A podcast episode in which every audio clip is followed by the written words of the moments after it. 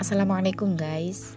Hari ini pertama kalinya kita bertemu dengan Sajak Malam.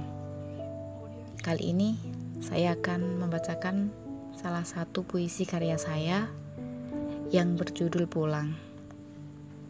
Hari demi hari telah kulalui. Tak terasa setahun sudah aku menjadi seorang petualang. Tepat Oktober tahun lalu, aku berhasil menemukanmu saat itu, kurasa masih samar pengetahuanku tentangmu. Awal November, kau menceritakan siapa dirimu. Samar akan definisi tentangmu kian menghilang.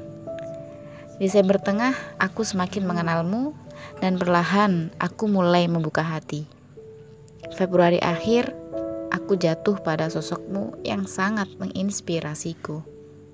Lalu, aku terbuai akan pesonamu hingga kegelapan sekitar terasa tampak cerah saat itu.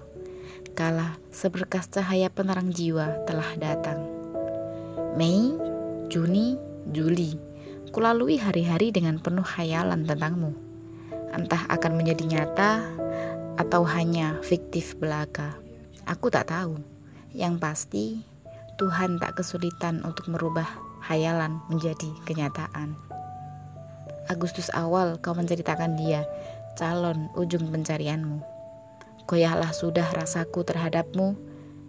Aku melepas atau kau meninggalkan, rasanya akan sama, menyedihkan. Selama masih ada peluang merangkai harapan, aku tak mungkin melewatkan.